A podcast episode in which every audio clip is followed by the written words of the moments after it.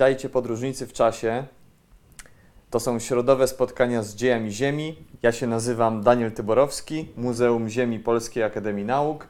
Moi drodzy, tak się czasami zdarza w dziejach naszej planety, że po okresach rozkwitu, kiedy panują przez setki milionów lat sprzyjające warunki, jest przyjemnie, miło, temperatury korzystne, warunki sielskie i mogą sobie w spokoju ewoluować dinozaury, ryby pancerne czy inne baśniowe niemalże stwory, po takim długim okresie rozwoju i prosperity przychodzi zagłada.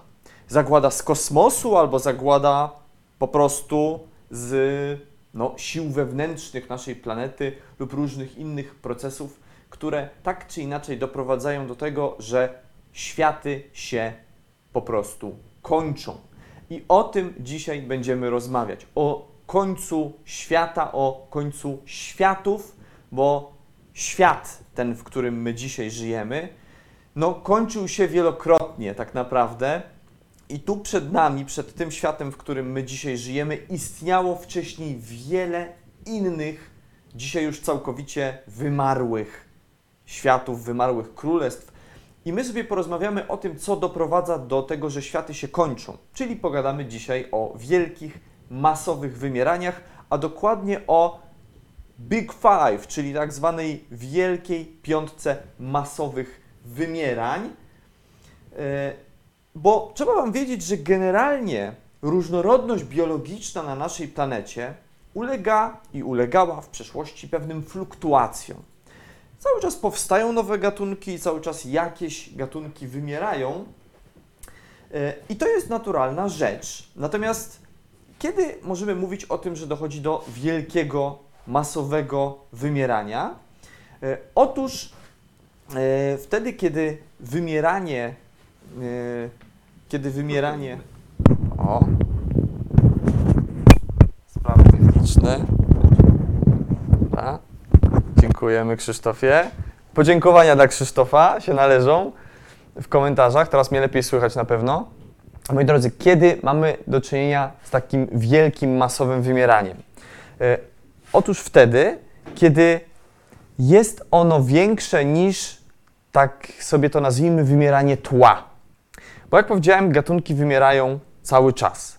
I tutaj mamy taką e, krzywą zmian różnorodności biologicznej wprowadzoną przez naszego rodaka z Chicago Sepkowskiego, e, który badał właśnie takie fluktuacje różnorodności biologicznej na przestrzeni dziejów.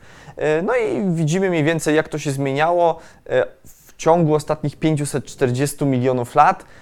Zwróćcie uwagę, czas tutaj geologiczny biegnie od lewej do prawej. Na dole mamy kolejne okresy geologiczne zaznaczone tymi symbolami. CM to Kambr, O to Ordowik, S to Sylur i tak dalej. Te plansze już pewnie e, kojarzycie, bo ja jej często używam. I teraz zobaczcie, że naniosłem na tę krzywą Sepkowskiego, bo tak jest ona nazywana, tę piątkę masowych wymierań, czyli Big Five, czyli te pięć największych epizodów masowego wymierania.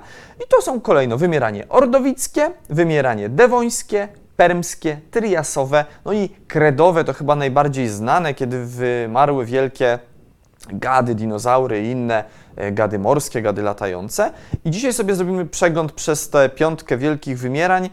E, więc moi drodzy, to będzie takie mm, to wszystko, co musicie wiedzieć o piątce masowych wymierań, e, ale baliście się zapytać. Czyli pewnie się domyślacie, że to jest dużo wiedzy, temat obszerny, bo tak naprawdę o każdym z tych wymierań byśmy mogli zrobić osobny wykład, ale my sobie to dzisiaj tak skompresujemy i taką wersję, wersję yy, kompaktową wszystkich wymierań zrobimy, więc no, nie traćmy czasu, jedziemy.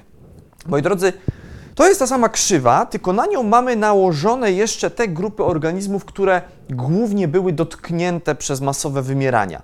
I zwróćcie uwagę, że głównie będą to fauny morskie.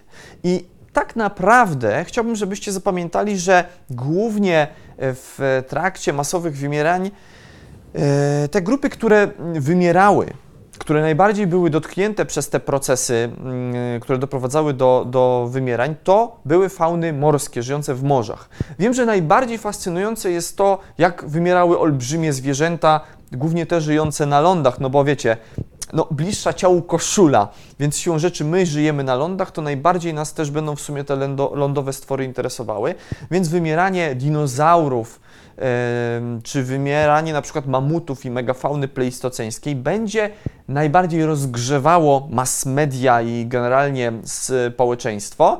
Natomiast wymarcie na przykład, kogo my tu mamy w Ordowiku, wymieranie na przykład ramienionogów albo trylobitów, no już nie będzie tak sexy, ale pamiętajcie, że głównie kiedy tworzy się takie krzywe wymierania, to tak naprawdę y, one są głównie oparte, te statystyki, o fauny morskie.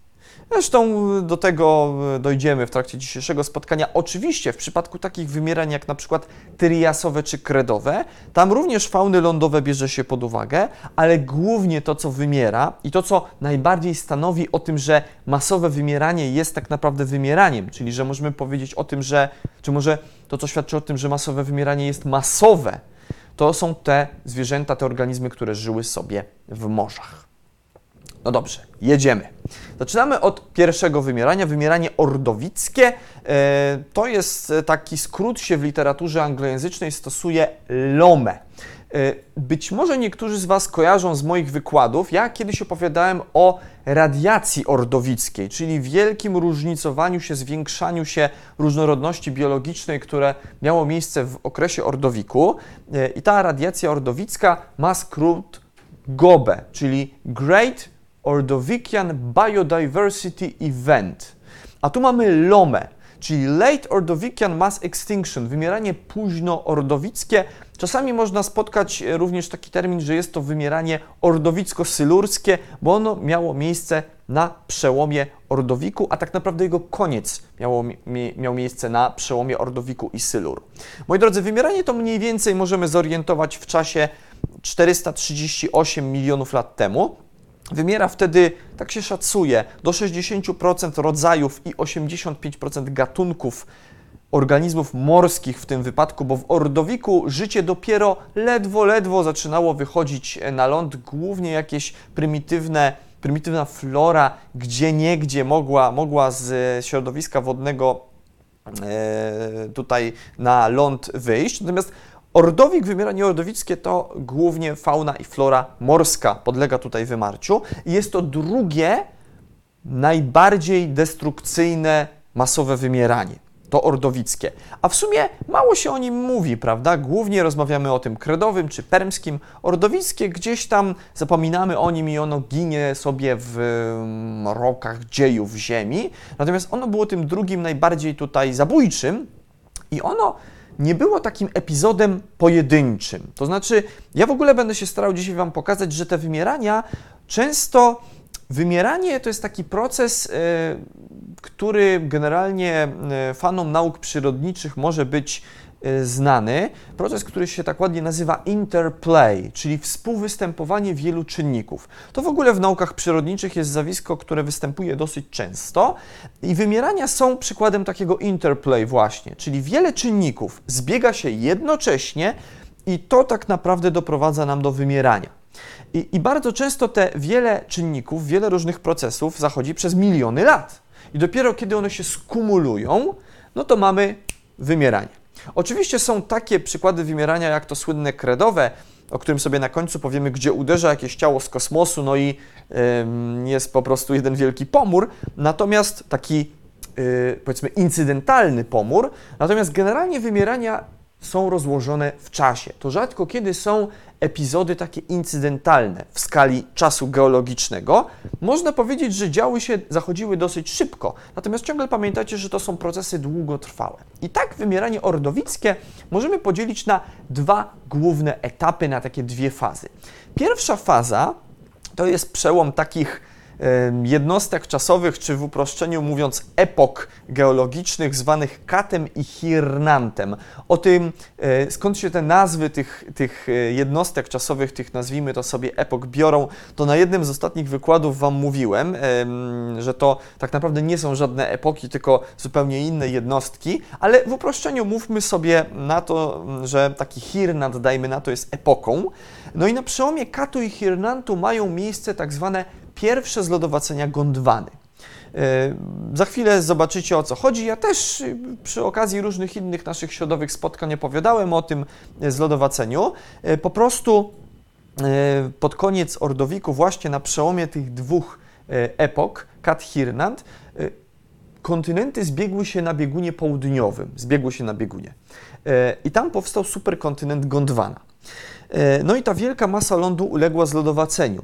I prawdopodobnie to zlodowacenie e, doprowadziło do pierwszego epizodu wymierania, bo przed przełomem Kat-Hirnant, przed zlodowaceniami Gondwany, klimat był niezwykle ciepły i stabilny. To znaczy, Ordowik był właśnie tym, od czego zaczęliśmy dzisiejszy wykład, to co powiedziałem na początku. To był taki epizod no, bardzo stabilnych, sielskich wręcz warunków. Było ciepło, miło i przyjemnie. No i pod koniec Ordowiku nagle mamy zlodowacenie. Zmienił się, jak to mówią geolodzy, nasza planeta przeszła z fazy e, greenhouse, czyli efektu cieplarnianego, na icehouse, czyli epokę lodową. Co pewnie się domyślacie, że dla faun, które żyły w tych ciepłych warunkach radiacji ordowickiej, no okazało się być zabójcze. Ale mm, Samo to zlodowacenie nie było jedynym, jedynym tutaj procesem, bo mamy potem drugą mm, fazę tego wymierania i to jest przełom Hirnantu i Ruddanu. Czyli najpierw mieliśmy na początku Hirnantu zlodowacenia i Hirnant generalnie cały był epoką lodową, ale koniec Hirnantu to jest E, ustąpienie z lodowacenia Gondwany, lodowacenia się wtedy skończyły. A Ruddan jest pierwszą epoką, pierwszą jednostką czasową Syluru, czyli granica Hirnant-Rudan to jest jednocześnie granica Ordowiku i Syluru. E, więc no, cały Hirnant to były zlodowacenia.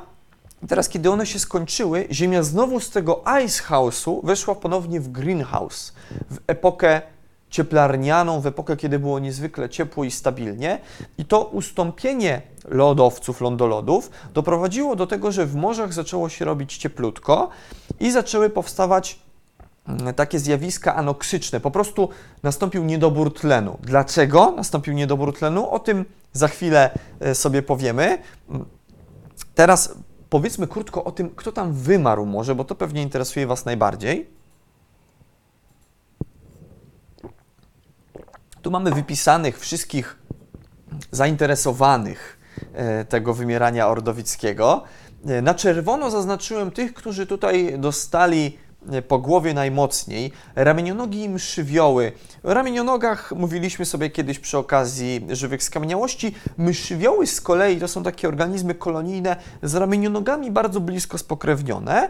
E, to być może pamiętacie przy graptolitach, jak omawialiśmy sobie to, że graptolity miały lofofory do filtrowania, to ja wspominałem o tym, że myszywioły miały bardzo podobne aparaty filtrujące. I właśnie ramienionogi i myszywioły ucierpiały najbardziej ale dostało się też konodontom, trylobitom, szkarłupniom, koralowcom, małżom czy graptolitom właśnie, więc generalnie bezkręgowcom, które zasiedlały ordowickie morza. Jak wyglądały ekosystemy przed rozpoczęciem wymierania ordowickiego? No, żyło się tam tym wszystkim zwierzakom egzotycznym, jak pączkom w maśle, przyjemne warunki radiacji ordowickiej i ten wspomniany greenhouse doprowadzały do powstania wielu olbrzymich często e, stworów, tak jak takie wielkie prałodziki, które do być może nawet 10 metrów długości mogły dorastać. E, no i Ordowik to była epoka wielkich raf koralowych, bo takie rafy koralowcowo gąbkowe już wtedy istniały, no ale wielkie wymieranie doprowadziło do tego, że taki świat, jak go widzimy tu na tych planszach, się zakończył. Pierwsza faza tego wymierania to jest oczywiście to zlodowacenie Gondwany. Tutaj mm, dla uproszczenia taka mapka paleogeograficzna. Zwróćcie uwagę, tutaj nasza planeta zorientowana jest y, biegunem w naszą stronę, czyli my patrzymy na planetę y, na tej mapce tak, jakbyśmy wzięli globus i spojrzeli na niego od strony bieguna południowego, czyli ta część, y, która jest jakby konturem Ziemi na tej mapie, to jest równik. Czyli patrzymy od strony bieguna południowego. Zresztą jest South Pole nawet zaznaczone, biegun południowy na, na tej mapie w centrum. I zwróćcie uwagę, mamy tę masę lądów właśnie zbitych tam wokół bieguna. To jest ten superkontynent Gondwana, złożony jak widzimy z Afryki, Ameryki Południowej, e, Indii, Antarktydy, kawałek Australii tam też mm, e, widać, e, a nawet zwróćcie uwagę, gdzieś tam Arabia i Madagaskar były wciśnięte, więc kawał ziemi. No i teraz rozpoczęły się te zlodowacenia, co zakończyło epokę tych wielkich raf koralowych i wielkich wielkich, wielkich e, łodzików, które sobie nad tymi rafami gdzieś tam polowały na różne smakowite ofiary. Więc mm, generalnie, zobaczcie, to, to był w ogóle kawał świata, który dzisiaj nam się bardzo nie kojarzy z zimnem, ze zlodowaceniami, prawda? Afryka, Ameryka Południowa, Indie, Arabia, ale wiemy, że tam było to zlodowacenie, bo mamy na to konkretne dowody. Mamy ślady takich olbrzymich mm, rys ślizgowych, które pozostawiły lądolody, kiedy po prostu przemieszczały się po, mm, po, po powierzchni skorupy ziemskiej i zdzierały materiał ze sobą. Mamy ślady kopalnych e, takich e, glin lodowcowych, E, czyli skał, które powstają na skutek wytapiania się z lądolodu. No i mamy takie ciekawe skały, tak zwane dropstony, czyli mm, no tak byśmy po polsku powiedzieli, upuszczone kamienie. Wyobraźmy sobie, że mamy zbiornik morski i taki jęzor lodowcowy włazi nam do takiego zbiornika, no i kiedy on szedł wcześniej sobie przez jakieś góry, przez ląd, no to zdzierał, zdzierał skały, zdzierał materiał skalny i wbudowywał ten materiał w siebie. I teraz, kiedy on tym jęzorem wejdzie na E, na takie morze, stanie się lodowcem e, szelfowym, no to zaczyna wytapiać z siebie ten materiał, który wcześniej w siebie wbudował. No i taki kawałek na przykład granitu, taki kawałek skały magmowej po prostu, odpadnie od tego lodowca i wpadnie, spadnie sobie na dno morskie, w którym powstają wapienie. Czyli mamy blok skały magmowej w obrębie skał osadowych. Coś absolutnie no, dziwnego, enigmatycznego skąd by mógł się wziąć taki kawał e, właśnie e, granitoidu? Nie mogłaby to być na przykład bomba wulkaniczna, która generalnie nie jest, nie jest skałą no nie ma takiej tekstury granitoidu. Granitoid powstaje głęboko we wnętrzu Ziemi, a nie nagle w trakcie erupcji wulkanicznej. E, tylko powoli, powoli jest, e, sobie ta magma krystalizuje, prawda? Więc tutaj to można wykluczyć jakąś działalność taką wulkaniczną, tylko na pewno działalność taka właśnie lodowcowa. Więc te dropstony w skałach Ordowiku na tych kontynentach południowych w Afryce, w Ameryce Południowej się znajduje. E, no i to doprowadziło do pierwszej fazy wymierania i większość faun tego nie przeżyła. To, jak powiedziałem, było dosyć drastyczne, ale były takie organizmy, które jakoś tam były w stanie się przystosować do tego pojawiającego się ice house'u, do zlodowacenia. I mimo faktu, że ramienionogi, jako cała grupa bezkręgowców, jako cała grupa zwierząt, jako jedne z najbardziej dostały po głowie w trakcie wymierania ordowickich, to pewna część tak zwana fauna typu hirnancja przystosowała się do życia właśnie w tych chłodnych wodach na przedpolu lądolodu Gondwany. E, no i tutaj mamy te ramienionogi właśnie z rodzaju hirnancja. Pamiętacie, nazwa tej epoki lodowej, ostatniej jednostki czasowej Ordowiku to był Hirnant.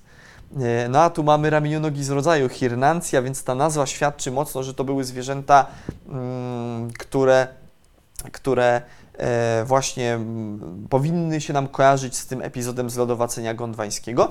I one tutaj na mapce paleogeograficznej, która znowu jest zorientowana do nas biegunem południowym, e, mamy zaznaczone kropeczkami, gdzie te fauny występowały w trakcie zlodowaceń ordowickich, więc one generalnie lubiły e, te strefy brzeżne na przedpolu lądolodu. Więc to jest jednoznacznie fakt, że były to jakieś organizmy, które generalnie się adaptowały do życia w trakcie tego wymierania. Mimo, że większa część faun wtedy no, wymierała, to ktoś tam jednak zawsze na tym korzysta. Pamiętajcie, tak jak później, kiedy będą dinozaury wymierać, ssaki będą z tego korzystać, to w Ordowiku, mimo faktu, że większość bezkręgowców wymierała w tym ramienionogi, to chociaż ta fauna typu Hirnancja była w stanie się do tego przystosować. No i to jest to, co powiedziałem na początku, e, że mm, no, ten, ten obraz takiego jęzora lodowcowego, który wcina nam się gdzieś tam, e, prawda, lądolud to nie jest takie, wbrew pozorom, takie czoło, które tak prze sobie do przodu.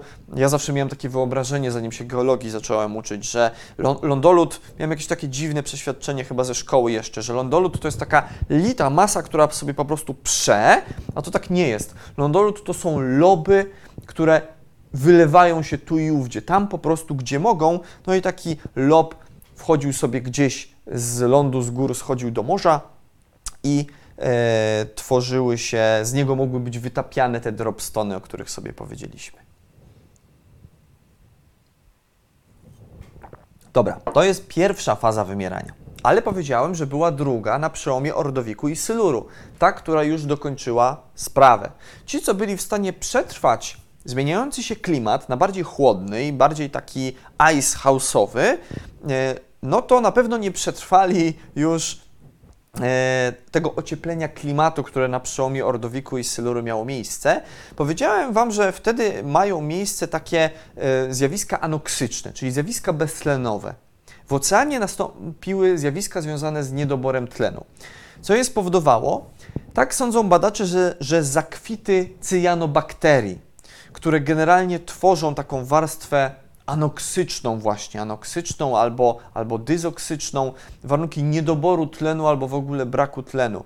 A większość organizmów, które żyje na dnie morza, e, no to są to raczej organizmy tlenowe, prawda, które korzystają tutaj z tlenu, przynajmniej w tym naszym eonie faranerozoicznym od ostatnich 540 milionów lat, więc taki zakwit na wszystkich płytkich morzach bakterii beztlenowych doprowadził do tego, że organizmy tlenowe wymierały. I to dokończyło e, sprawę, więc pierwsza faza wymierania ordowickiego to są te zlodowacenia gondwany, a druga to są zjawiska beztlenowe związane właśnie z cyjanobakteriami. Tylko wyobraźcie sobie, że to nie jest taki lokalny zakwit jak u nas w Zatoce Gdańskiej e, latem, tylko zakwit na ogromnym obszarze, wielu set kilometrów kwadratowych na wielu płytkich morzach całego świata. I tak dochodzimy do drugiego wymierania. Wymieranie dewońskie, moim zdaniem jedno z ciekawszych obok wymierania kredowego, yy, które wieńczy okres dewoński mm, i ono, podobnie jak wymieranie ordowickie, jest rozłożone w czasie na kilka etapów. Wbrew powszechnej opinii, nie trwało ono, czy powiedzmy nie miało ono miejsca wyłącznie na przełomie Devonu i Karbonu, ale zaczęło się dużo, dużo wcześniej.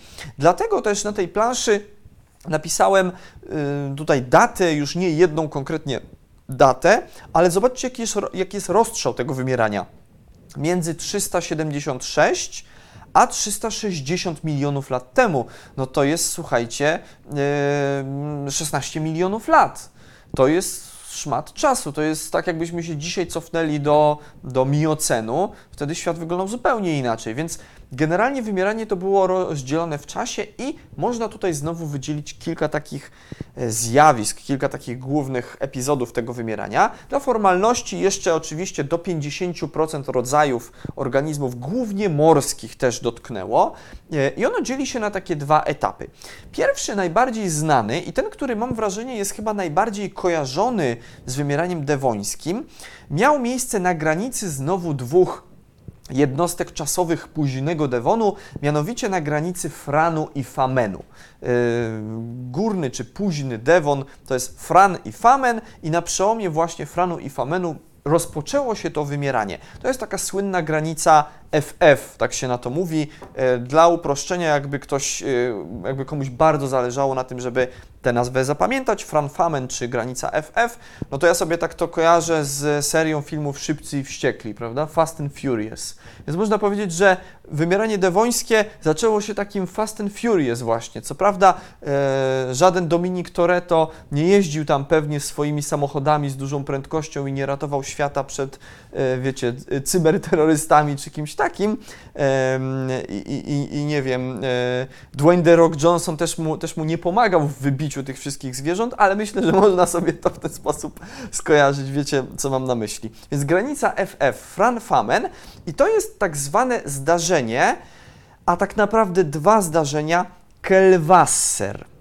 Kelwasser od nazwy z takiego typowego stanowiska, które znajduje się w Niemczech w południowej Saksonii, gdzie występuje tak zwany Kelwasser Kalk, czyli taka no, e, skała typu Kelwasser. E, e, I to są dwa zdarzenia. Jest dolne zdarzenie Kelwasser, czyli to, które miało miejsce najpierw, i potem górne zdarzenie Kelwasser. Y, I to są, ja zaraz Wam pokażę zdjęcie profilu geologicznego z, tym, z tymi warstewkami Kelwasser. To są takie warstwy ciemnych, takich y, beztlenowych znowu łupków, skał łupkowych, które powstawały w warunkach niedoboru tlenu po raz kolejny, tak jak w Ordowiku. I one są poprzedzielane, te warstwy Kelwasser są poprzedzielane normalnie warstwami na przykład wapieni. Czyli były sobie zbiorniki morskie, gdzie powstawała sedymentacja węglanowa, wytrącał się wapień, ale nagle dochodziło do znowu pojawienia się rozległych takich stref beztlenowych, które zabijały wszystko, co tam żyło. I to był na przykład ten pierwszy Kelwasser, a potem znowu warunki powracały do normalności i znowu powstawały wapienie, powstawały sobie skały węglanowe, a później następowało drugie wydarzenie Kelwasser, znowu dochodziło do e, zjawisk beztlenowych i powstawała ta druga warstewka ciemnych anoksycznych łupków. Więc mamy dwie takie mm, warstewki e, tego zdarzenia beztlenowego Kelwasser. Ale to jest ten pierwszy etap wymierania. Natomiast później mamy drugi. Na granicy Famenu i Turneju mamy zdarzenie, kolejne zdarzenie beztlenowe, e, Hangenberg, tym razem już pojedyncze. I tak jak to pierwsze zdarzenie to jest granica Franfamen, czyli jeszcze w obrębie późnego Devonu, to już Famen jest ostatnią jednostką czasową okresu dewońskiego. Turnej zaczyna nam karbon. E, czyli tak naprawdę wymieranie dewońskie zaczęło się w trakcie późnego Devonu, a kończy się granicą Devon-Karbon. Kończy się początkiem okresu karbońskiego, ale z jakiegoś powodu e, to, to, to zwieńczenie tego wymierania, właśnie ta granica Famen Turnej czy granica Devon-Karbon, zdarzenie beztlenowe Hangenberg jest jakieś takie mniej znane, mniej się o nim mówi i chyba też jest trochę mniej zbadane, chociaż ja dzisiaj kilka takich przykładów e, o nim będę chciał powiedzieć. Ale generalnie zwróćcie uwagę, że tutaj w wypadku wymierania dewońskiego głównie mamy do czynienia ze zjawiskami beztlenowymi. Ogromne strefy beztlenowe opanowały zbiorniki morskie, szczególnie tam, gdzie była sedymentacja węglanowa. Devon to była znowu epoka stabilnego klimatu, gdzie żyły sobie organizmy rafowe. W Devonie istniały największe rafy koralowe w dziejach. Olbrzymie rafy y, gąbkowo-koralowcowe, które ciągnęły się od Australii y, przez Azję i tutaj Polskę przez Góry Świętokrzyskie aż po Belgię, więc olbrzymie takie pasy rafowe. No i kiedy takie środowisko beztlenowe zaczęło panować w tych warunkach, e, w tych środowiskach, ekosystemach rafowych, to wszystko, co tam żyło, zarówno to, co budowało samą rafę, jak gąbki i koralowce, jak i to, co żyło sobie w toni wodnej, zaczęło wymierać. No i tutaj mamy to, co zostało dotknięte tym wymieraniem. Znowu mamy ramienionogi, mamy na przykład koralowce, czyli to, co buduje rafę, e, ale mamy też amonity, trylobity, graptolity tutaj, mm, tutaj dostały bardzo, bardzo mocno. E, dostały konodonty. Kręgowcom się również dostało, bo plakodermy wymierają i wczesne czworonogi, ale pamiętajcie, że plakodermy, ryby pancerne, o których za chwilę parę słów, one wymarły dopiero pod koniec tego zjawiska Hangenberg. One nie wymarły w trakcie wymierania Kelwasser, mimo faktu, że często w skałach stowarzyszonych mm, z z, z tymi warstwami Kelwasser szczątki ryb pancernych się znajduje, to tak naprawdę, e, tak naprawdę ryby pancerne przetrwały aż do granicy Devon-Carbon. Ekosystemy w Devonie, kiedy musiały się zmierzyć z tym wymieraniem, wyglądały tak. Znowu olbrzymie środowiska rafowe, wielkie gąbki, koralowce, olbrzymie rafy, jak powiedziałem. No a w toni wodnej wielkie drapieżniki, bo Devon to był oczywiście wiek ryb, zarówno ryby kostno-szkieletowe, ryby chrzęsno-szkieletowe, czyli pierwotne rekiny, no jak i olbrzymie ryby pancerne, które wymarły całkowicie właśnie bezpotomnie pod koniec Devonu w trakcie tego mm, zdarzenia Hangenberg. E, I tu mamy takiego słynnego Dunkleosteusa z prawej strony, wielką drapieżną rybę pancerną, która tam pochwyciła w swe szczęki jakiegoś nieszczęśnika. I jakieś pierwotne rekiny, widzę e, widzę Stetacanthus, które próbują temu Dunkleos, Dunkleosteusowi wyrwać, uszczknąć coś z pyska. Więc to był świat ryb. E, no i teraz wyobraźcie sobie, że przychodzą takie rozległe strefy beztlenowe, nagle warunki się zmieniają, no i rafy wymierają. Bezkręgowce, które żywiły się tym wszystkim, co żyło na rafie, też wymierają, no bo wymieranie zaczyna się zawsze od dołu, od tych najniższych, zawsze, no prawie zawsze, od tych najniższych szczebli ekosystemu. O ile nie jest to jakaś kosmiczna zagłada, która zdmuchuje natychmiast te większe zwierzęta, to tego typu zjawiska beztlenowe zaczynają nam tutaj naruszać piramidę pokarmową od spodu, e, czyli od tego, co w tym wypadku buduje nam rafę. Potem wymierają ci, którzy zjadają rafę, no a potem te super drapieżniki, które polują na wszystko inne, ci, którzy tak naprawdę no, nie żyją na dnie, ale są siłą rzeczy od takiej rafy uzależnieni, bo polują w toni wodnej często w okolicach tych właśnie ekosystemów. No i tu mamy zdjęcie profilu geologicznego właśnie z tego typowego miejsca w Saksonii w Niemczech, w południowej Saksonii e, Kelwasser.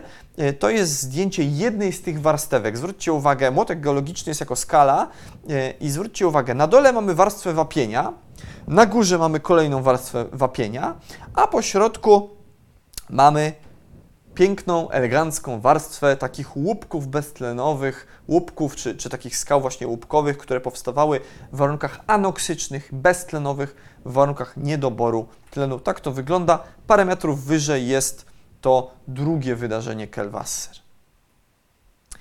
Natomiast, e, jak powiedziałem, rzadziej rozmawia się o tym zdarzeniu Hangenberg, które zakończyło nam e, Devon. I całkiem niedawno polscy badacze tutaj swoją cegiełkę włożyli do tego, bo okazało się, że badali oni różne profile geologiczne tam, gdzie to zdarzenie Hangenberg miało miejsce i badali y, różnymi metodami geochemicznymi. I co się okazało? Otóż okazuje się, że prawdopodobnie w y, czasie tego wymierania dewońskiego pod koniec y, dochodziło do koncentracji E, takiego związku chemicznego, który tutaj jest napisany e, HGCH3. To jest, proszę Państwa, metylortęć. Rtęć sama w sobie, jak pewnie kojarzycie, no jest zabójcza generalnie dla zwierząt takich pokroju no, no, człowieka czy podobnych, e, ale rtęć nie ma sama w sobie jakichś mocnych właściwości do akumulowania się w tkankach w postaci takiej pierwiastkowej. Natomiast w postaci zmetylowanej, w postaci organicznej, już ma właściwości takie akumulacyjne bardzo dobre i metylortęć jest szczególnie tutaj e, zabójcza i szczególnie mocno e, może się koncentrować w tkankach. I dzisiaj dochodzi do takich zatruć metylortęcią organizmów, które, mm, które żyją po prostu no, dzisiaj w morzach. I wyobraźcie sobie, że to jest tak, tak skubany związek ta metyloamina, że y, twój, jaka metyloamina? Y, metylortęć, to nie, to nie Breaking Bad. Metylortęć jest tak skubana, że ona jakby im wyższy poziom łańcucha pokarmowego, im wyższy poziom piramidy pokarmowej, tym bardziej koncentruje się w tkankach. Więc u jakichś konsumentów pierwszego rzędu tej metylortęci w tkance będzie się akumulowało mniej niż u tych szczytowych drapieżników. U tych szczytowych drapieżników, które zjadają wszystkich w ekosystemie, metylortęci będzie najwięcej. Dlatego dzisiaj, kiedy dochodzi do zatrucia metylortęcią, się pomyśleć, zanim to powiem, żeby znowu me- metyloaminą nie rzucić. Metyloretencią, e, kiedy dochodzi dzisiaj do zatrucia, najwięcej te, e, tego związku chemicznego jest w tkankach dużych ryb kostnoszkieletowych czyli tych, które polują na inne mniejsze ryby. I prawdopodobnie tego typu zatrucia metylortęcią mogły powodować wymieranie pod koniec Devonu i za no po prostu wymarcie tych wielkich drapieżników dewońskich. Tak jak to tutaj na planszy z materiałów prasowych od naszych paleontologów, e, kolegów moich ze Śląska, e, oni taką planszę zrobili, gdzie mamy te dunkleosteusy martwe, sobie pływają z nimi jakieś dewońskie amonity, klimenie tutaj widzę, czyli generalnie te zwierzęta, które no zjadają inne zwierzęta w toni wodnej, prawda? Duże ryby, duże drapieżniki szczytowe, no one, e, one, one tutaj ucierpiały najbardziej. Czyli zwróćcie uwagę, zdarzenie Kelwasser dotknęło szczególnie mocno ekosystemy same terafowe związane z dnem, ale zdarzenie Hangenberg, ono dotknęło z kolei przez zatrucie metylortęcią najbardziej to, co pływało w toni wodnej.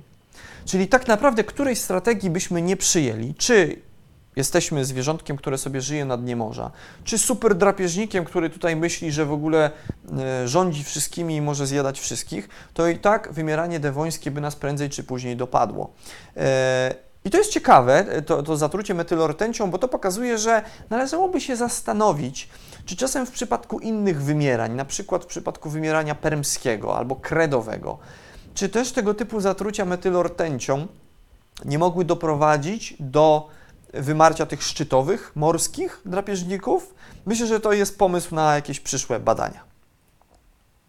No i tak to mniej więcej wygląda. Tu jeszcze dla, dla takiego usystematyzowania tego zobaczcie ekosystemy dewońskie i początek ekosystemów karbońskich i mamy granicę Franfamen, ta granica FF, gdzie jest e, wydarzenie, wydarzenie mm, e, Kelwasser i potem granicę Famen e, Turnej, czyli to wydarzenie Hangenberg. No mocno przetrzebiły się te ekosystemy. Widzicie, że w Dewonie to jeszcze sobie wszystko tam radziło świetnie. We Franie to w ogóle bardzo dużo tych zwierząt było. E, ryby pancerne tutaj widzimy, że przechodzą do Famenu. W Famenie przedstawicielem na tej planszy ryb pancernych jest taki jegomość na dole z takim dziwnym wyrostkiem na tarczy. E, to jest, zdaje się, jakiś przedstawiciel e, takich niedużych ryb pancernych Acantotoracci chyba. No i mamy tego, tego Botriolepisa tutaj na granicy właśnie Famen, Turen, Famen, Turon i Amonita przedstawiciela Klimenii, które wymierają całkowicie na granicy właśnie Famen i Famen i, i Devon i Carbon, tak? Famen i Turnej. No dobra, ale należałoby się teraz zastanowić, jakie są przyczyny tego wymierania dewońskiego. Co doprowadziło do tego, że w ogóle były takie strefy beztlenowe i były te zatrucia tą metylortęcią? Pierwszy taki mm, powód to jest, Szanowni Państwo, eustatyka. To jest słowo, którego ja chyba za często nie używałem do tej pory na naszych spotkaniach. Eustatyka, czyli fluktuacje zmiany poziomu mórz. Dzisiaj żyjemy w takiej epoce, gdzie poziom morza jest stosunkowo niski, ale w minionych epokach geologicznych nierzadko był dużo wyższy niż dzisiaj. I tak się sądzi, że mm, te granica właśnie Franfamen i potem granica e, e, Devon Carbon, one są stowarzyszone z takimi mocnymi fluktuacjami e, poziomu morza, które prawdopodobnie przyczyniły się do tych zmian środowiskowych, do powstawania stref beztlenowych. Ale z kolei za pojawienie się mm, tej metylortęci w środowisku morskim najprawdopodobniej odpowiedzialny był wulkanizm. I to jest znowu taka mapka paleogeograficzna tego naszego obszaru, naszego rejonu świata. Tu mamy kontynent Laurusja, czyli to jest Europa połączona z Ameryką Północną. Na północ mamy Syberię, a na południu te Gondwany, o której żeśmy sobie wcześniej mówili w przypadku Ordowiku. Gondwana ciągle w Dewonie radzi sobie świetnie, nie jest już zlodowacona, ale jako kontynent istnieje. No i zwróćcie uwagę, mamy zaznaczone tutaj takie e, duże prowincje magmowe. W Dewonie najprawdopodobniej miały miejsce silne zjawiska wulkaniczne, a rtęć jest takim pierwiastkiem, który należy kojarzyć właśnie z wulkanizmem. Więc prawdopodobnie źródłem rtęci w środowiskach pod koniec Devonu był właśnie wulkanizm. No tylko ta rtęć jeszcze po drodze, zanim z wulkanu trafiła do ciał oczywiście zwierząt czy w ogóle organizmów, no musiała przejść tę metylację, czyli zmienić się z postaci pierwiastkowej na związek organiczny. Więc tak, mamy zdarzenia beztlenowe, e, za to jest prawdopodobnie eustatyka odpowiedzialna, no i mamy zatrucie metylortęcią, za co prawdopodobnie e, tutaj winny jest wulkanizm i to jest, jak widzimy z lewej strony, skorelowane ładnie z tymi granicami e, właśnie Fran e, Famen i później też e, mm, w przypadku granicy mm, już w ogóle Devonu i Karbonu.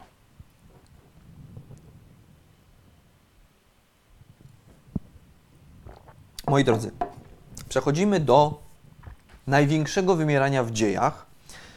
E, Mother of all extinctions, tak się mówi na to wymieranie, albo Great Dying, bardzo taki ciekawy, ciekawy termin, Great Dying. E, No, Mother of all extinctions, dlatego że właśnie jest to matka wszystkich wymierań, czyli wymieranie permskie, które jednocześnie stanowi nam granicę dwóch er, paleozoicznej i mezozoicznej i miało miejsce mniej więcej 252 miliony lat temu, więc jest to jednocześnie granica paleozoiku i mezozoiku i granica permu i triasu. Perm kończy paleozoik, trias rozpoczyna nam erę mezozoiczną. Moi drodzy, największe wymieranie w historii naszej planety, e, no przynajmniej w ciągu, e, w przypadku tych ekosystemów takich związanych ze złożonym życiem. E, I tu wymiera aż 83% rodzajów, 96% morskich gatunków i 75% lądowych kręgowców. Więc to jest wymieranie, które dotknęło też bardzo organizmy żyjące na lądach, bo już życie na lądach w Permie, pod koniec Permu było całkiem zaawansowane. E, Natomiast pamiętajcie, że do tworzenia statystyk jeśli idzie o te krzywe wymierania, głównie korzysta się jednak z bezkręgowców morskich, czy generalnie z faun morskich, ale tu pamiętajmy, że już ekosystemy lądowe w Permie zostały mocno przetrzebione. I tu jak widzicie na tej planszy, no przyczyn jest co niemiara i tutaj to wymieranie jest świetnym przykładem tego interplayu, e, bo mamy tak, zmniejszenie liczby nisz ekologicznych, mamy zjawiska wulkaniczne znowu, czyli trapy syberyjskie, mamy uwolnienie się klatratów metanowych, to jest dosyć taka ciekawa, myślę, z e, punktu widzenia dzisiejszych ekosystemów również przyczyna. No i tu wchodzimy również w jedno z takich pierwszych wymierań, gdzie e, kandydatami na źródło wymierania będą kosmiczne impakty, czy jacyś różni kosmiczni goście. E, Omówię za chwilę te najważniejsze przyczyny, te, które są najbardziej parsymoniczne, tak byśmy powiedzieli, najbardziej prawdopodobne po prostu. Natomiast kogo dotknęło, moi drodzy, wymieranie permskie dotknęło wszystkich. Wszystkich. E, Na czerwono tutaj zaznaczyłem tylko trzy grupy, bo te wymarły całkowicie. Wymarły akantody, czyli ryby fałdopłetwe. To zapamiętajcie, bo często się uważa, że ryby fałdopłetwe, tak samo jak ryby pancerne, wymarły w trakcie wymierania e, dewońskiego. A to jest nieprawda. One przetrwały Devon e, i wymarły dopiero pod koniec, e, pod koniec Permu. Zresztą w Permie radziły sobie całkiem nieźle akantody, pełniąc funkcje, nisze ekologiczne, zajmując dzisiejszych waleni fiszbinowych, to były takie morskie filtratory, natomiast nie, nie przetrwały wymierania permskiego.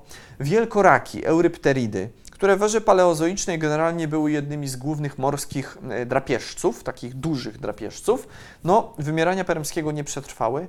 No i kultowe trylobity, które już w Permie nie radziły sobie zbyt dobrze. One generalnie po wymieraniu dewońskim e, nie były szczególnie liczną grupą organizmów, ale były. Znamy karbońskie i permskie tryle, no ale wymierania permskiego nie przetrwały.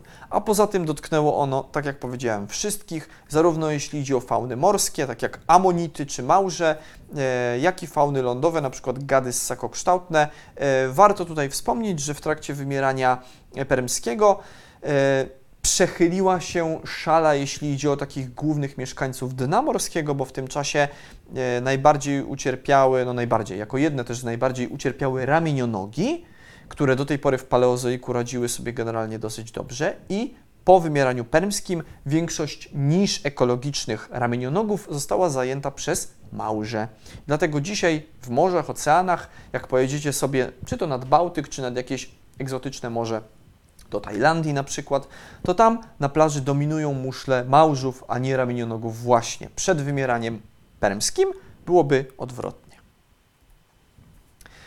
Ekosystemy permskie generalnie nie radziły sobie zbyt dobrze jeszcze przed samym wymieraniem. Perm to był w gruncie rzeczy trudny okres. Ekosystemy tu były zatrute i na lądach, i w morzach. Wulkanizm, który prawdopodobnie odpowiadał za lwią część e, tych wszystkich przykrych zjawisk. On może nie był tym głównym takim e, procesem, który zakończył to wymieranie, ale na pewno dołożył potężnie swoją cegiełkę do tego wymierania przez to, że przez lwią część permu wulkanizm na dużej części świata był Mm, był, był tutaj e, aktywny.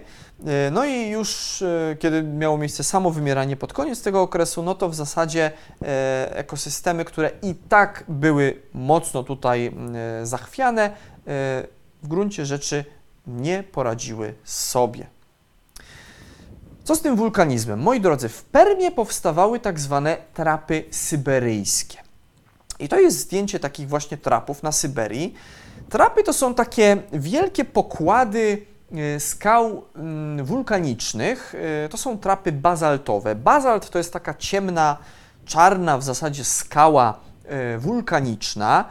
Skała zbudowana z minerałów ciemnych, z, z, z, z z amfiboli, z piroksenów, ale jest to skała wylewna, ona się wylewa w postaci lawy, więc generalnie tych kryształów, tych minerałów tam nie widać. To jest to takie lite, no, jakby ciasto skalne. I taka lawa wulkaniczna tworzy takie właśnie ciemne pokłady, ładnie sobie jedne na drugich leżące.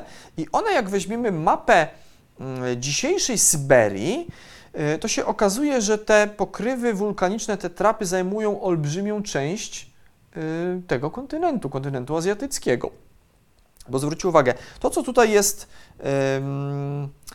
powiedzmy ta lewa część, ta lewa część tego, tej planszy, to co jest takim ciemnym, ciemną szlafurką zaznaczone, to są te pokrywy lawowe. Natomiast to co jest tymi E, tymi takimi kropeczkami zaznaczone, to są, e, tu jest tufy i tufity, czyli generalnie skały powstałe z popiołów wulkanicznych, czyli z tego, co wulkany dymiły, a potem opadało na e, powierzchnię Ziemi po prostu i tworzyło też swego rodzaju skałę. Więc zobaczcie, jaki to jest olbrzymi obszar. To jest większy obszar niż obszar całej mm, dzisiejszej Unii Europejskiej. Więc i to trwało jakiś czas, yy, długo te erupcje następowały. No i wyobraźcie sobie, że mamy taki kawał świata, który się pokrywa skałami wulkanicznymi, lawą i popiołami, tufami, tufitami wulkanicznymi. Yy, no to musiało poważnie naruszyć ekosystemy.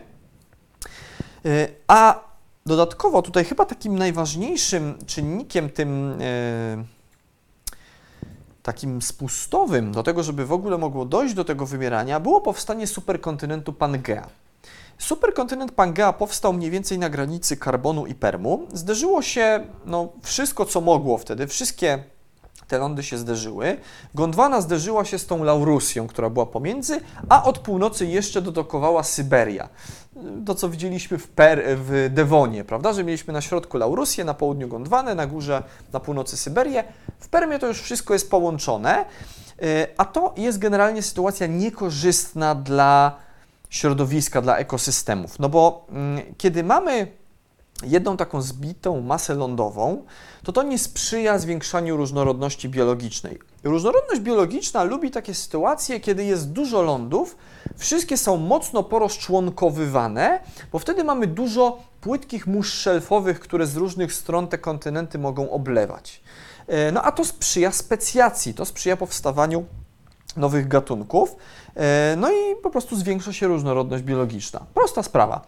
Natomiast jak mamy jeden superkontynent, on jest mało zróżnicowany, jeśli idzie o linię brzegową i mamy w zasadzie jedną taką linię brzegową, ciągnącą się wokół tego superkontynentu, jeden, jak to się mówi, szelf, jedno morze szelfowe wokół tego superlądu, no to no to w, e, siłą rzeczy ta różnorodność jest mniejsza, środowiskowa różnorodność, więc różnorodność biologiczna też będzie się zmniejszała, e, co doprowadza w efekcie do tego, że no jest generalnie mniej nowych, nowych tworów ewolucyjnych, nowych wynalazków ewolucyjnych, czyli generalnie już biologia jest dużo bardziej e, tutaj skłonna do tego, dużo bardziej podatna do wymarcia. Dodatkowo powstanie takiego superkontynentu sprzyja jeszcze temu, że generalnie klimat się osusza. Generalnie na Pangei było dosyć sucho. Lasy zanikały w trakcie Permu. Pod koniec Permu już w zasadzie lasów nie było za wiele, a to sprzyja erozji. To pewnie wiecie nawet ze szkoły, że jak generalnie są lasy, jak jest zwarta pokrywa roślinna, to ona będzie zatrzymywała erozję, będzie zatrzymywała na przykład spływanie materiału, powstawanie takich e, spływów błotnych. Wiecie, w Azji często dochodzi, słyszymy czasami gdzieś w telewizji, że zalało jakąś, e, obsunął się kawał ziemi i taki spływ błotny pokrył jakąś wioskę w Chinach na przykład, prawda? Albo gdzieś indziej na świecie. No, dlaczego dochodzi do takich zjawisk? Główną taką przyczyną jest właśnie zmniejszenie się e, pokrywy roślinnej, zmniejszenie się, e, no, powiedzmy, ilości lasów na, na jednostkę powierzchni, prawda? Więc teraz, kiedy mamy mało roślinności, no to zwiększa się erozja. Erozja doprowadza do tego, że generalnie zmniejsza się ilość tlenu. E, I prawdopodobnie to był taki kolejny proces, który doprowadził do tego, że no, generalnie te ekosystemy, skoro było mniej tlenu, no to były dużo bardziej podatne na e, takie właśnie takie właśnie e, wymarcie. Dodatkowo ocieplenie tego klimatu spowodowane takim osuszeniem e, na Pangei doprowadziły do uwolnienia tych wspomnianych e, złóż metanu, klataratów metanowych, które jeszcze bardziej pogłębiły tutaj zjawiska związane z efektem cieplarnianym. Więc widzicie, tu mamy wiele tych procesów. Jakby mechanizmem spustowym jest powstanie samego superkontynentu Pangei, bo pamiętajcie, że przez zderzenie się tych lądów, głównie tej części laurosyjskiej z Syberią na północy, powstały te góry, na których powstały wulkany, z których powstały trapy syberyjskie. Czyli mamy jeden taki mechanizm spustowy, powstanie Pangei i to doprowadza do powstania trapów dekanu, bo zwiększa się wulkanizm, osuszenia klimatu, zwiększenia erozji i e, zmniejszenia ilości tlenu i jeszcze uwolnienia klatratów metanowych. Więc generalnie to jest właśnie ten interplay, o którym Wam powiedziałem na początku. Więc w Permie wszystko, co mogło pójść nie tak, to poszło nie tak. Generalnie tam, tam wszystko jeden proces napędzał drugi, no i tym sposobem doszło do największego wymierania w dziejach złożonej biosfery.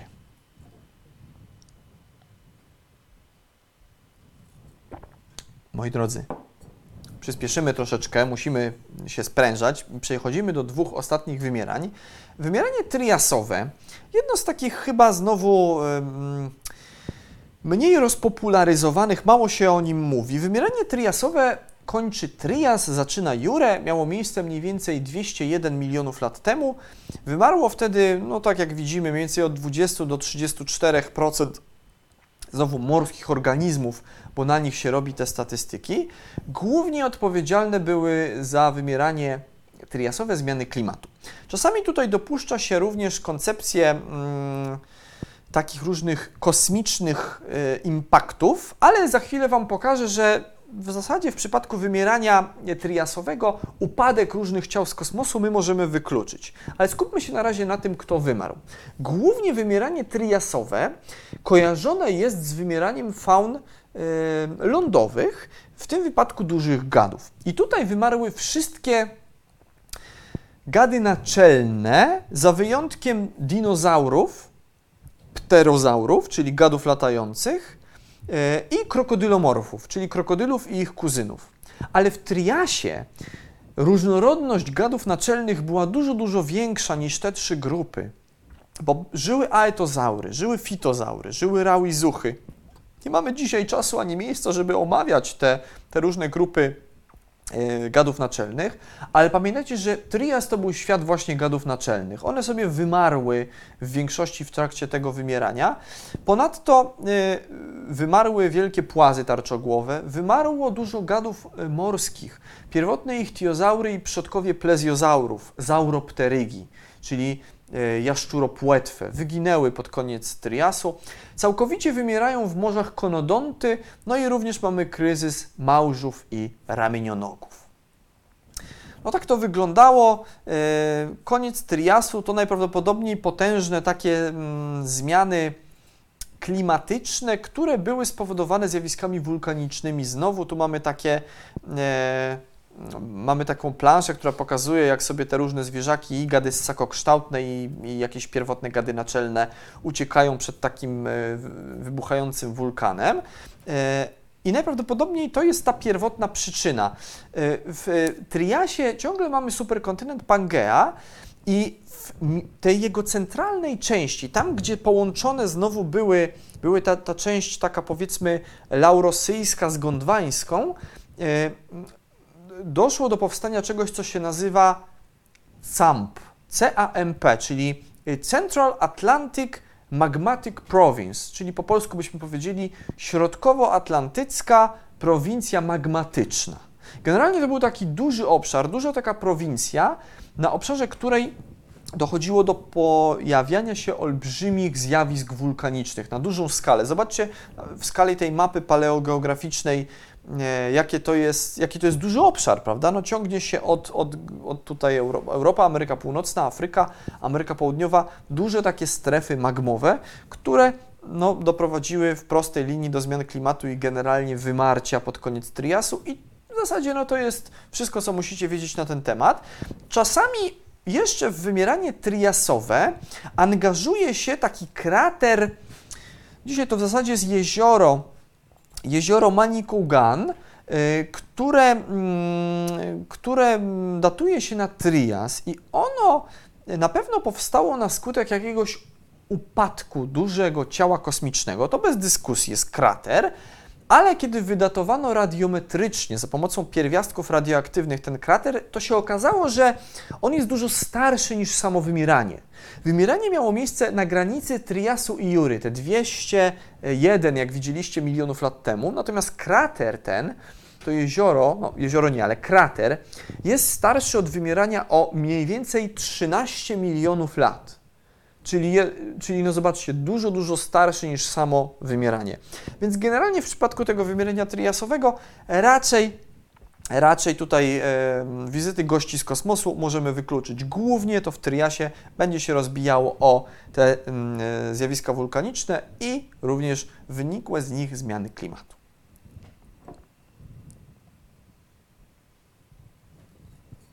No dobra, dochodzimy do ostatniego, tego, na które pewnie wszyscy najbardziej czekacie. Wymieranie kredowe. Słynna, jak to się kiedyś mówiło, granica KT, a dzisiaj granica KPG, czyli granica kreda-paleogen. Jednocześnie jest to wymieranie, które nam wieńczy erę mezozoiczną i e, rozpoczyna erę kenozoiczną. E, Miało miejsce 66 milionów lat temu na granicy takich jednostek czasowych Maastrichtu i Danu. Maastricht to jest ostatnia y, epoka w uproszczeniu kredy. Dan to jest pierwsza epoka y, paleogenu właśnie, czyli ery, mm, ery kenozoicznej. E, I z tym się wiąże taka ciekawa historyjka. Pamiętam, jak na, na studiach geologicznych y, y, jeden z prowadzących śpiewał nam taką pioseneczkę em, Maastricht Dan, Maastricht Dan, kto ciebie rozkminić będzie umiał. E, A ja sobie śpiewałem pod nosem e, Maastricht ja, Maastricht ja, bo kumacie, taki, e, taki humor ge- geologiczny, że Dan i Danie, że, że, że to to samo. W każdym razie granica właśnie Maastrichtu i, i Danu. Nie wiem, czy Was nie załatwiłem tym sucharem, przepraszam, to było suche jak, jak pieprz. W każdym razie w trakcie wymierania kredowego wymarło 40% rodzajów i 75% gatunków morskich organizmów. E, Czyli znowu tutaj to się wszystko będzie głównie rozbijało o fauny, e, fauny czy generalnie organizmy morskie, no ale oczywiście to wymieranie jest znane z tego, że wymarły wtedy wielkie e, dinozaury, czyli generalnie wymarły wszystkie dinozaury nieptasie, te duże gady morskie, mozazaury, plezjozaury, ichtiozaury i pliozaury nie, bo one wymarły trochę wcześniej. Wymarły amonity, mm, o których sobie niedawno rozmawialiśmy, chociaż niektórzy badacze twierdzą, e, że jest coś takiego jak właśnie dańskie amonity, czyli te, które przetrwały do, do, do tej pierwszej epoki kenozoiku, ale to i tak nie trwało długo i to były już niedobitki, wierzcie mi.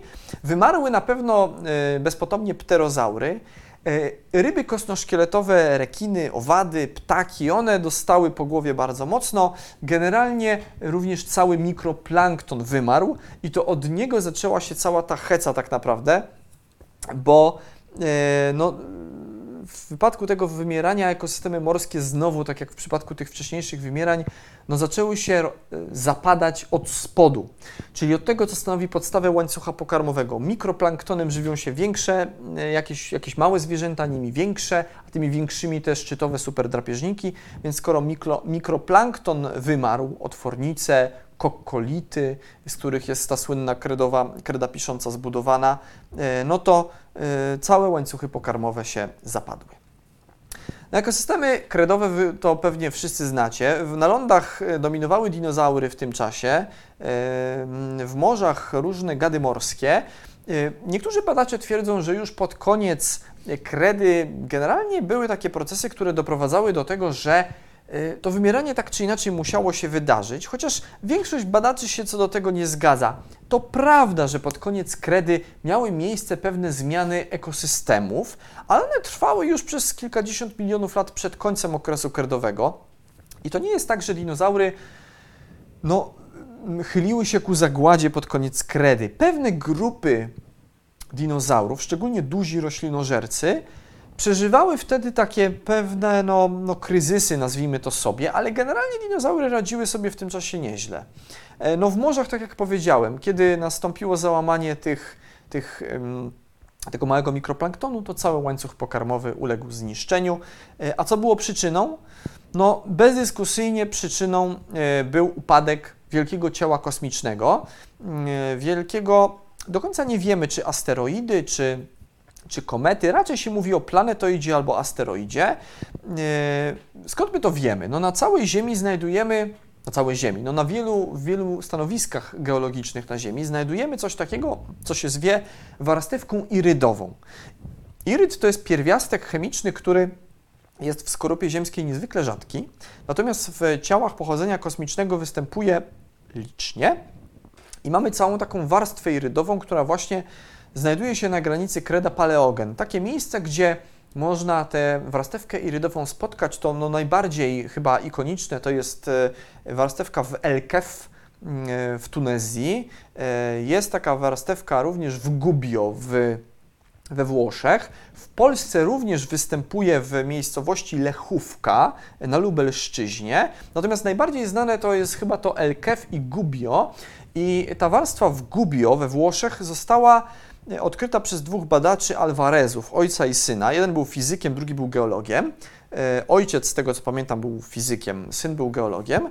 E, no i oni zbadali to w tym stanowisku, porównali z innymi i się okazało, że rzeczywiście jest taka koncentracja tego pierwiastka na granicy Kreda-Paleogen. Ale co mogłoby być odpowiedzialne za, e, za to? No, upadek ciała kosmicznego. A nie było nigdzie krateru.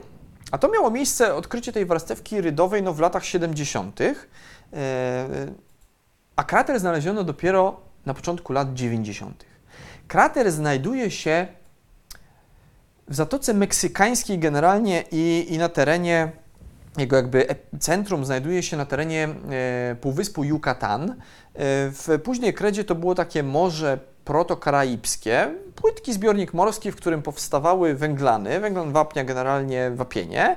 E, no i e, dzisiaj tego krateru w ogóle nie widać. On jest olbrzymi, na niemal całą Zatokę Meksykańską się rozciąga, e, ale w już takich badaniach geofizycznych za pomocą grawimetrii można go zobaczyć. I tu zobaczcie, on jest i w dwóch, i w trzech wymiarach pokazany. Widzimy ten krater, on jest wyraźnie zaznaczony.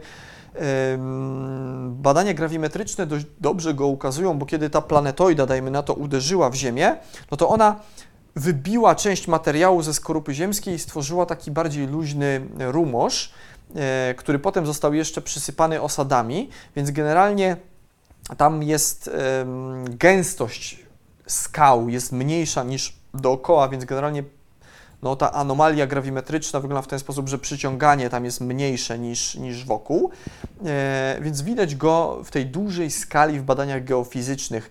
E, I co ciekawe, jak sobie uderzyła ta planetoida, tu mamy taki poglądowy rysunek, e, w to Morze Protokaraibskie, no stworzyła ogromną taką falę tsunami, która mm, przykryła sporą część świata. E, Wokół Zatoki Meksykańskiej my takie stanowiska geologiczne z tymi, tymi jakby śladami takich e, skał powstających w trakcie fali tsunami znajdujemy.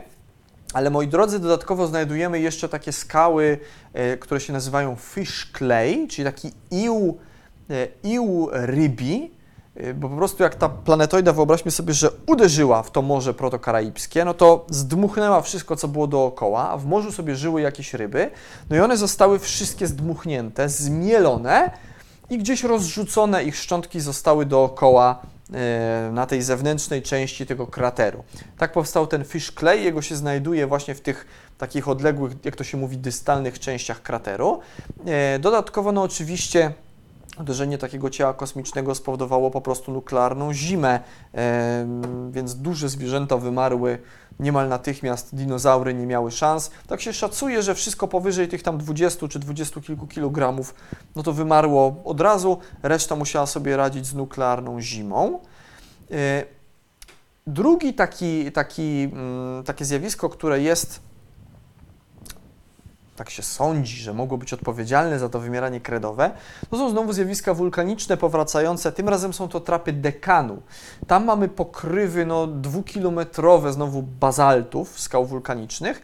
I jak się wydatuje teraz te bazalty, pokrywy tych trap dekańskich i wydatuje się krater Chicxulub, ten, ten właśnie w Zatoce Meksykańskiej, to on wypada mniej więcej, krater, wypada mniej więcej w połowie tego, jak powstawały te trapy. Czyli najpierw zaczęły powstawać trapy, potem uderzył e, bolid z kosmosu, a potem jeszcze sobie przez jakiś czas e, te trapy powstawały. Trapy sumarycznie powstawały mniej więcej milion lat. Czyli po upływie mniej więcej pół miliona lat uderzyła planetoida, a potem znowu jeszcze przez pół miliona lat trapy się tworzyły. Więc generalnie pewnie pod sam koniec kredy ekosystemy były mocno naruszone, e, ale ostatecznie to uderzenie tego kosmicznego bolidu doprowadziło do tego, że właśnie, właśnie mm, doszło do wymierania pod koniec kredy. E, No i na koniec pytanie do Was, moi drodzy. Mm, Jakie jest Wasze ulubione wymieranie? To trochę tak groźnie brzmi, złowieszczo, jakie jest ulubione wymieranie, ale myślę, że na pewno jakieś macie z różnych powodów. Ja chyba najbardziej lubię to kredowe jednak, bo jest ma w sobie coś takiego kosmicznego, ma ten pierwiastek taki egzotyczny, chociaż trzeba przyznać, że te wszystkie e, wcześniejsze wymierania są o tyle ciekawe, że one pokazują, jak bardzo, mm, jak bardzo sama nasza planeta jest skłonna do tego, że koniec końców światy się kończą. Dochodzi do wymierania i tak jak powiedziałem, może przez setki milionów lat trwać era dinozaurów. Przez 160 milionów lat mogą sobie ewoluować dinozaury, a potem bum, zagłada z kosmosu, koniec. Albo przez setki milionów lat mogą sobie żyć ryby pancerne, wielkoraki i inne dziwne stwory i nagle szacher macher, zmiany środowiska, e, wulkanizm, e, e, zatrucie tą metylo rtęcią, tak, nie metyloaminą i taki świat się kończy. Więc tak to było w dziejach naszej planety, że takie światy się kończyły. Oj, dużo wiedzy przyznacie, dużo wiedzy. Zobaczę, co tam pisaliście. No i sobie podyskutujemy troszeczkę. Dzisiaj dużo Was jest, więc na pewno dużo będzie pytań, więc powybieram jakieś takie najciekawsze. Zobaczymy, co Was tutaj w temacie wymierań najbardziej interesuje. Wymieranie czas zacząć. Naukowo obecny. Pozdrawiamy Krzysztofa, fajnie, że jest i śledzi. Mm, mm, mm.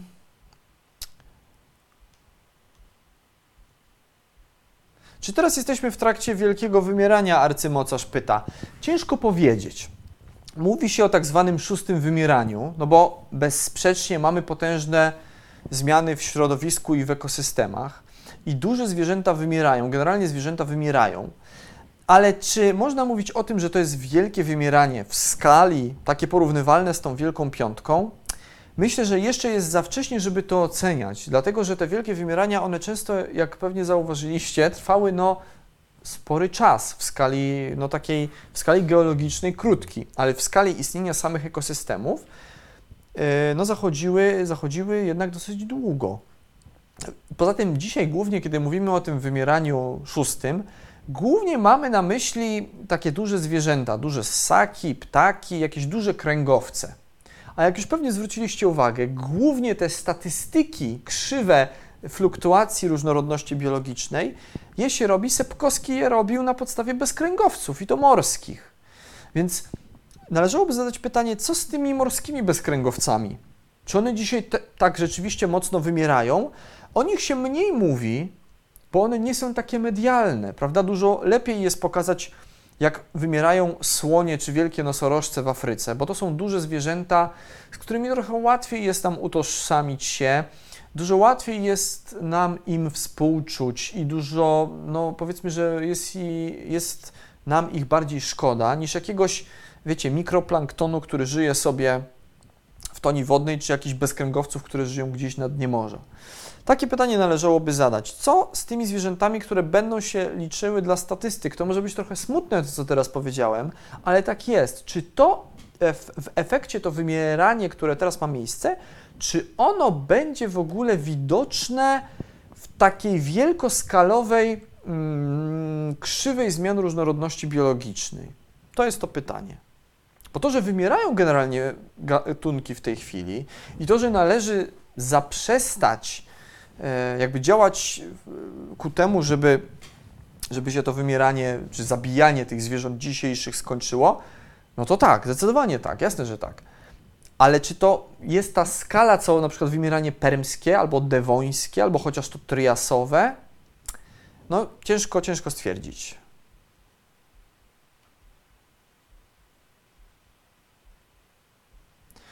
Znam się na tym, wiele końców świata przeżyłem. E, Jacek e, Mielcarek napisał tak. E, ja dzisiaj doszedłem do takiego wniosku, że koniec świata to jest święto ruchome. Generalnie, co myślę, że ten wykład Wam udowodnił. Wiele końców świata już mieliśmy na naszej planecie. Wielka piątka dla zwierząt, będą dymy. No, ciekawie to brzmi w kontekście, w kontekście dzisiejszego wykładu. Wielka piątka, faktycznie.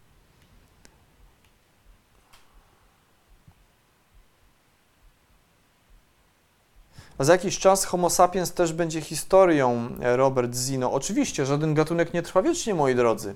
Żaden gatunek nie trwa wiecznie. Tak się szacuje, że gatunek średnio, tak statystycznie, ży, może żyć 4 miliony lat. To jest taka średnia. Ale tak czy inaczej, żaden nie trwa wiecznie. Żaden. I Homo sapiens też kiedyś w końcu będzie historią.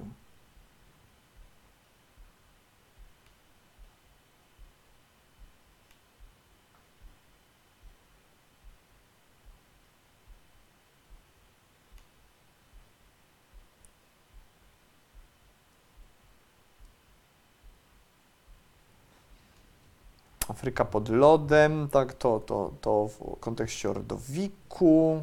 To jest ciekawe, nie? że Afryka była wtedy pod lodem, faktycznie.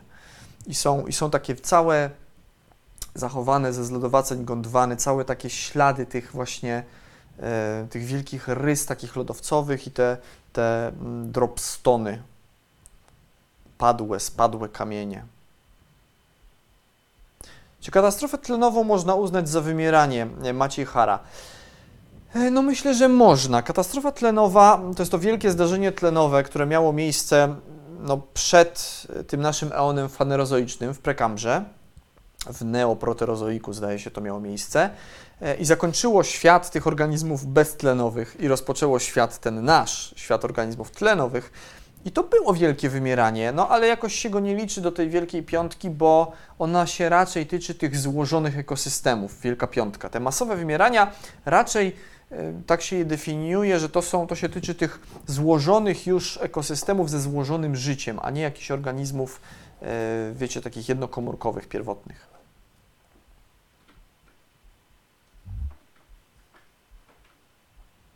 W czasie którego wielkiego wymierania odeszła większość przedstawicieli subkultury y, metalowców? Arek Kania pyta. Y, W trakcie wymierania na granicy lat y, 90. i XXI wieku, tak mi się wydaje. Przynajmniej ja to tak zapamiętałem. O właśnie, kto zajmował się akwarystyką morską, ten wie, jak łatwo pozabijać koralowce e, czy inne okazy. E, Ja dużo nie zabiłem, ale zawsze coś tam. Dużo zmiennych dla życia mórz tropikalnych. No właśnie, wystarczy zmienić jakiś jeden czynnik w sumie. Te organizmy w morzach są przystosowane do określonej temperatury, zasolenia, natlenienia.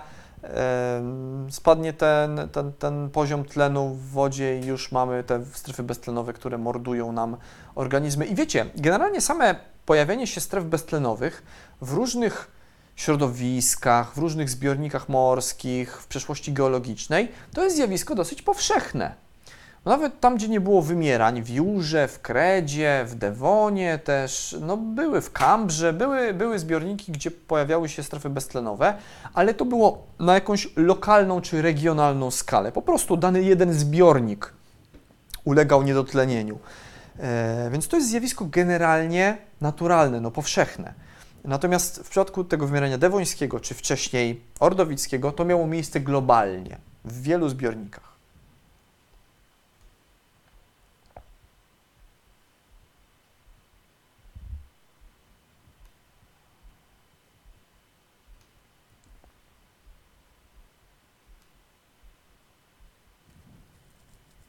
No właśnie, cyjanobakterie są na przykład w Meksyku w małych jeziorkach.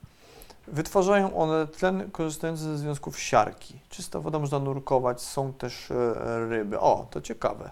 Jacek Milcarek.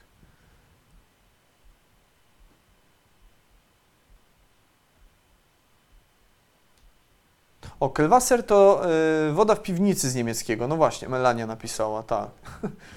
No ciekawe, woda z piwnicy. Dokładnie, no taka brudna, brudna woda, dlatego te ciemne łupki powstawały. Ile wielkich wymienień dotknęło lądy arcymocarz? Kredowe, triasowe, permskie i dewońskie też, bo z dewońskiego te, ten drugi etap wymierania dewońskiego, czyli to zdarzenie Hangenberg, ono dotknęło wczesne czworonogi też i generalnie ekosystemy lądowe też ucierpiały wtedy.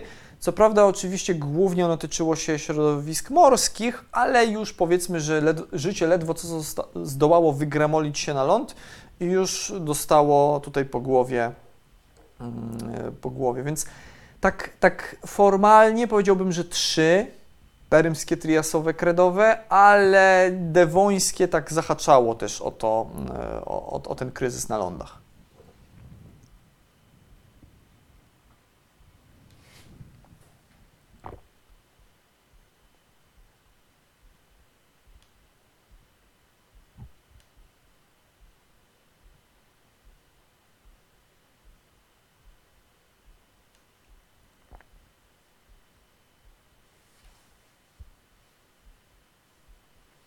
Słyszałem hipotezę, że wielkie wymierania, jakie nawiedziły Ziemię, były powiązane z e, położeniem Ziemia co do, Ziemi co do e, położeniem Słońca, co do płaszczyzny galaktyki mm, e, Majki Majki. E, tak, jest taka koncepcja faktycznie, że generalnie układ słoneczny w obrębie naszej, e, jakby ramion galaktyki wykonuje taki ruch góra-dół, góra-dół.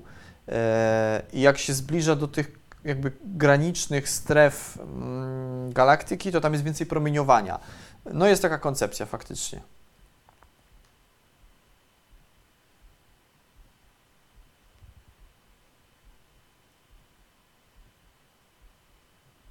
Tutaj o cyklach Milankowicza Małgorzata Wysocka pyta, e, no tak, tylko cykle Milankowicza to one są związane, mm, to jest jakby cykliczność zlodowaceń, a nie tutaj tych e, wymierań. Tak, tak. Ale tu macie ładnie wyjaśnione w, e, na czacie. Mm, Pani Małgorzata ładnie tutaj napisała, jakie to są cykle i co ile tysięcy lat.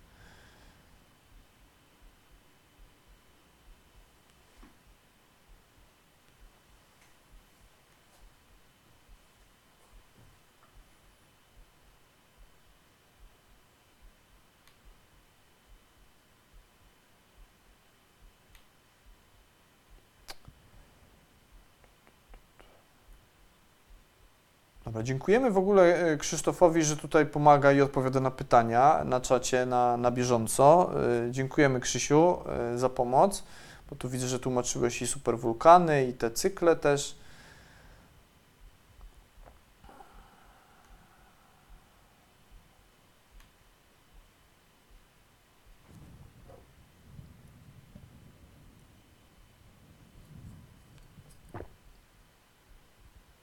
Czy gdyby nie doszło do wymierania permskiego, to czy dinozaury, ptaki i ssaki mogłyby się pojawić na Ziemi w świecie zdominowanym nadal przez terapsydy? Ciężko powiedzieć. To już są spekulacje. E, ciężko jest, powiedzieć, jakby ekosystemy wyglądały w, mm, w Triasie, gdyby nie doszło do wymierania permskiego, prawda? E, No myślę, że wiemy, że raczej nadal by był kontynent Pangea i nadal by było sucho. Archozaury generalnie przetrwały wymieranie w, mm, w, w, w to, to, to w Permie, więc teraz gdyby nie było wymierania permskiego, no, no ciężko stwierdzić. I tak gady ssakokształtne sobie dosyć nieźle z wymieraniem permskim poradziły. I one w Triasie ciągle były jedną z takich dominujących grup zwierząt lądowych.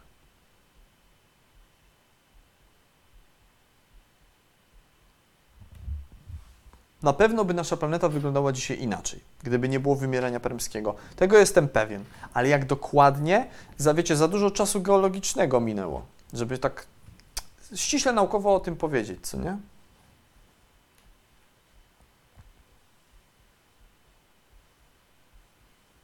Y, Czy Laurusja to po prostu Laurazja? Dominika Krupińska pyta. Y, no tak patrząc z perspektywy dzisiejszych lądów, które wchodziły w skład tych kontynentów, to tak. To znaczy e, i Laurazja, i Laurusja to jest generalnie Ameryka, Pół, Ameryka Północna i Europa razem. Tylko, że Laurusja to jest ta, to, jakby to, co tworzyło połączoną Europę i Amerykę Północną przed po- powstaniem Pangei, a Laurazja po rozpadzie Pangei. I tyle. To jest tak naprawdę różnica, ale jakbyśmy tak patrzyli od takiej strony ściśle, co wchodziło w skład tego lądu, no to z grubsza to jest to samo. Zresztą na Laurusję mm, przed Pangeą e, były też parę innych nazw. Była Euroameryka, był kontynent, e, tam e, mówi się Laurusja albo Laurosja, Laurosyjski po prostu. Temat y, tego promieniowania z krańców galaktyki, widzę Was, rozgrzał bardzo. No to jednak bardzo rozgrzewa. Same, nie tylko same wymierania, ale te właśnie kosmiczne jakieś e, tutaj powody galaktyczne, to już w ogóle gorący, gorący, sexy temat.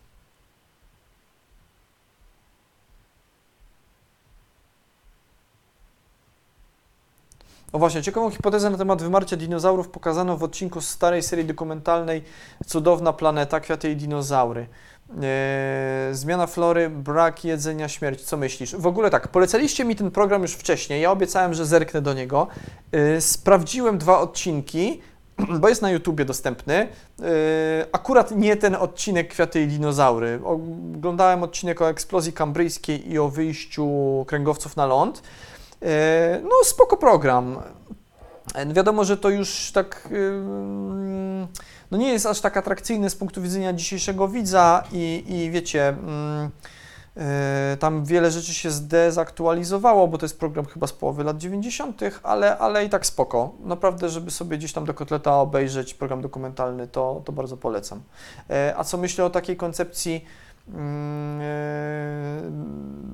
że, że mm, jak tu jest? Mm, mm, zmiana flory, brak jedzenia i śmierć, bo rzeczywiście dinozaury były przystosowane do, mm, do jakiejś innej flory. Eee, czy ja wiem, ta zmiana flory to już zaczęła się gdzieś na początku w sumie kredy, a nie pod jej koniec, więc no nie wiem, nie jestem, nie jestem przekonany. W jakich miejscowościach w Polsce znajdujemy zapis wielkich wymierań? Czy są tam też skały osadowe, a wraz z nimi jakieś skamieniałości? Znam Lechówkę, ale co z resztą? E, tak, no jest ta Lechówka, e, ale takim najbardziej popularnym miejscem i chyba najbardziej takim atrakcyjnym, żeby tam pojechać i zbierać skamieniałości, to jest na Siłów y, w okolicach Kazimierza nad Wisłą, gdzie jest granica kreda-paleogen i masę skamieniałości tam można znaleźć.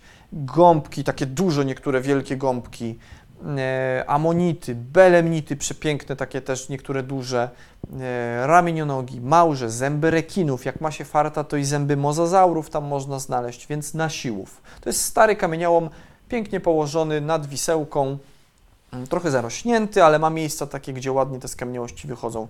Niekiedy duże amonity, czy jakieś wielkie łodziki tam można wykopać, na siłów, granica kreda-paleogen. Dobra, będziemy kończyli, moi drodzy, bo już mamy w pół do.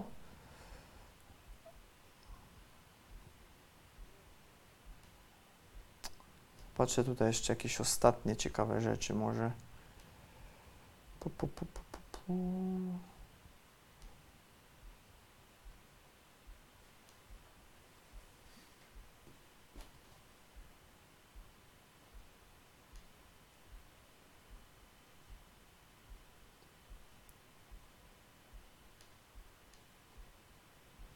No dobra, żart widzę Was nie pozabijał mój o, o, o i Danie, to ok. Mm, dobra, moi drodzy, będziemy kończyli powoli. Jeszcze szybciutko, szybciutko patrzę ostatnie komentarze. Profesor Tramer pięknie udawał gąbkę, całym ciałem pokazywał, jak działały. Tak, pięknie udawał gąbkę i Małże też pięknie udawał ramienie nogi. No to wymierajmy kamień mezozoiczny. No dobra, moi drodzy, będziemy, będziemy się żegnali. Mm. No dobra, to tyle. Moi drodzy, na dzisiaj to będzie wszystko. E, za tydzień, moi drodzy, z kolei dla odmiany, że dzisiaj było tak trochę smutno i o wymieraniach, o tym, że tutaj wszyscy ginęli w zasadzie, to za tydzień porozmawiamy sobie o czymś troszeczkę przeciwnym, czyli żeby było wesoło, omówimy sobie, moi drodzy, wyjście kręgowców na ląd. Czyli to, jak życie zdominowało lądy, jedną z tych największych przemian ewolucyjnych w dziejach naszej planety, tak naprawdę z jeden z najważniejszych momentów w historii Ziemi w ogóle. E, więc będzie wesoło generalnie. Tam będą takie pozytywne, miłe perspektywy, których my jesteśmy ostatecznie mm, efektem tak naprawdę. E, Także zapraszam za tydzień na środowe spotkania z dziejami y, Ziemi. Bardzo dziękujemy Krzysztofowi za tutaj e, udzielanie odpowiedzi na czacie. Dzięki Krzysiu e, za pomoc. No i co, moi drodzy? E, Kłaniam się cieplutko. Daniel Tyborowski, Muzeum Ziemi, Polskiej Akademii Nauk. Środowe spotkania z dziejami Ziemi już za tydzień o godzinie 18. Paleontologiczne pozdrowienia.